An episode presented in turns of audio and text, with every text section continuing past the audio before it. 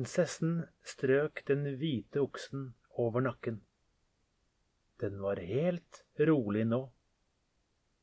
Den stirret på henne med store, mørke øyne og stilte seg slik at hun enkelt kunne klyve opp på ryggen av den. Men eh, skulle hun våge det? Hun tenkte noen sekunder. Så bestemte hun seg.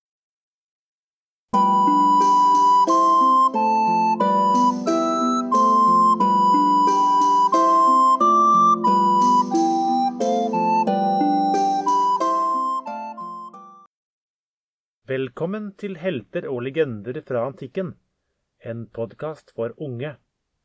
Episode to Guder og halvguder, og hvorfor Europa heter Europa. Hvorfor kaller vi verdensdelen vi bor i for Europa? Du visste kanskje ikke at historien om Europa er historien om en vakker prinsesse, en hvit okse og en gud som aldri fikk nok kjærester. Om litt skal du få høre den utrolige legenden. Vi skal også høre om Herakles, superhelten som med letthet overgår både Batman, Spiderman og Hulken. Vi befinner oss altså i antikken, og vi er over 2000 år tilbake i tid.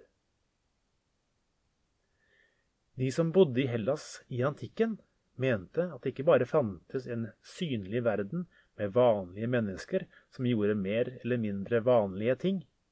Nei, de trodde også at det fantes masse guder og overnaturlige vesener. Noen av disse gudene kunne de søke trøst hos hvis livet var hardt, eller be om råd fra hvis de var i tvil om noe.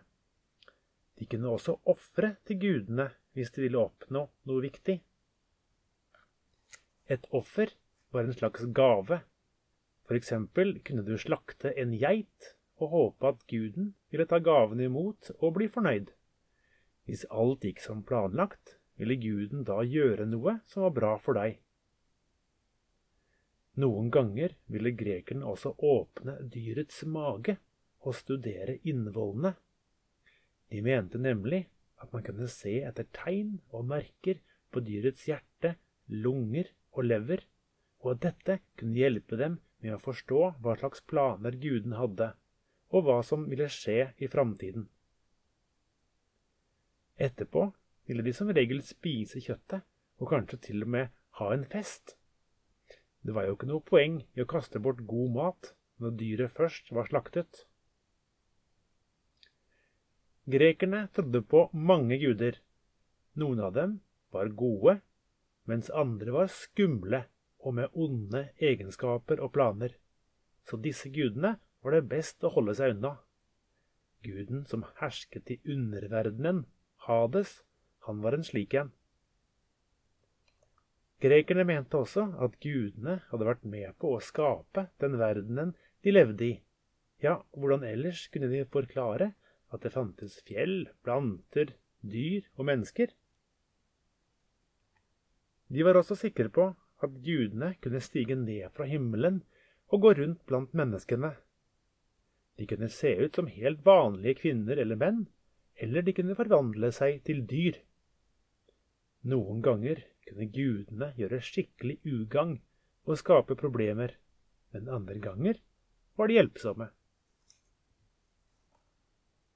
Grekerne mente også at gudene kunne bli kjærester med mennesker og få barn med dem. Et barn som hadde en gud som far og et menneske som mor, var en halvgud. Slike halvguder kunne ha helt spesielle egenskaper og noen ganger utføre skikkelige heltebragder.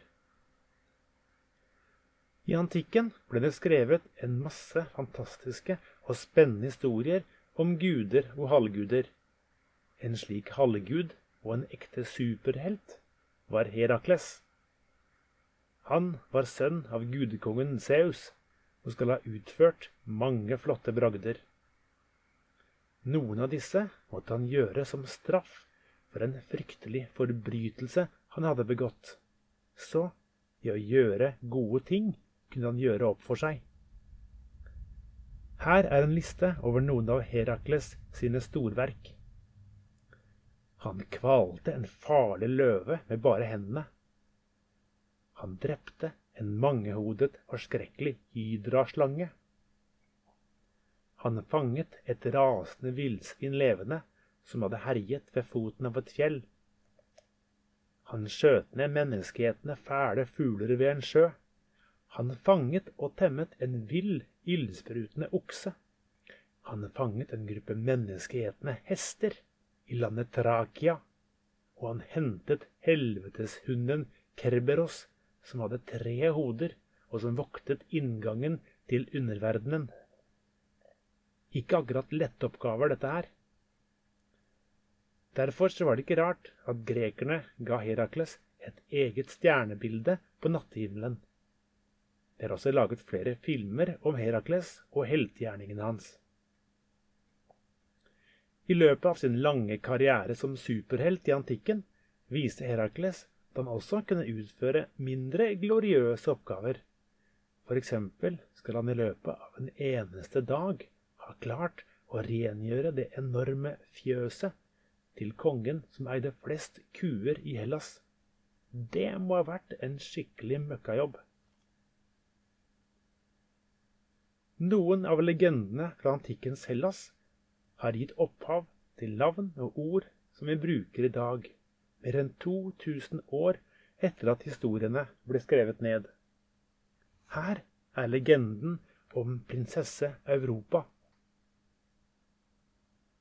Europa var en vakker kongsdatter som bodde i Fønikia, et gammelt kongerike som lå ved havet. Faren hennes var kong Agenor, og han passet godt på henne.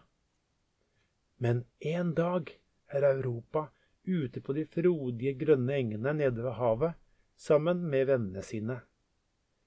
De går rundt og prater om løst og fast, slik ungdommer gjør, og de nyter den fine dagen ute i det fri.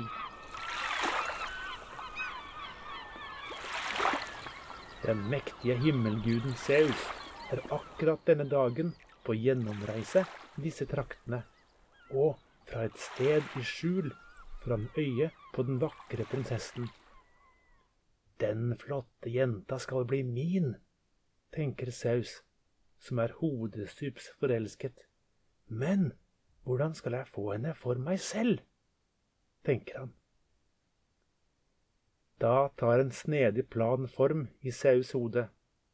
Han kan nemlig kunsten å ikle seg dyreham, og med ett forvandler han seg til en majestetisk hvit okse og rusler ned til enga hvor Europa og de andre jentene koser seg. Oksen er vakker og fascinerende, og alle vil smeike og klappe den. Den er helt rolig, og etter en stund blir Europa så trygg at hun tør å klatre opp og sette seg på ryggen av den. Men dette er øyeblikket Zeus har ventet på. Med et kraftig byks hopper han ut i sjøen og legger på svøm det beste han kan. Europa rekker ikke å reagere før oksen er langt til havs. Hun klamrer seg fast til oksens hals og håper på det beste. Etter å ha svømt i lang tid kommer de omsider fram til øya Kreta, en stor øy i Middelhavet. Når de får fast grunn under føttene, avslører Zeus sannheten. Han blir igjen himmelguden i form av en høyreist og sterk mann, og han sier at han har bortført henne for at de to skal bli kjærester. Vi vet ikke hva Europa sier til dette, men et par blir de likevel, og etter en tid føder hun tre sønner. Den ene av disse blir senere konge over Kreta. Vi må tro at Saus er glad i Europa, for han gir henne kostelige gaver, annet en jakthund som alltid fanger sitt bytte, og et magisk spyd som alltid treffer sitt mål. Og det var legenden om kongsdatteren Europa. Men det var ikke slutt med det. Etter en tid begynner grekerne å kalle et landområde rett nord for Hellas for Europa, og ca. 1000 år senere begynner noen å bruke navnet Europa for et mye større område. Til slutt brukes Europa for hele det som i dag er verdensdelen Europa. Slik ga altså en prinsesse fra Fønikia navn til et helt kontinent. Hun fikk ikke et stjernebilde oppkalt etter seg, men å gi navn til en hel verdensdel må vel sies å være et bra plaster på såret. Dette var alt for denne gang.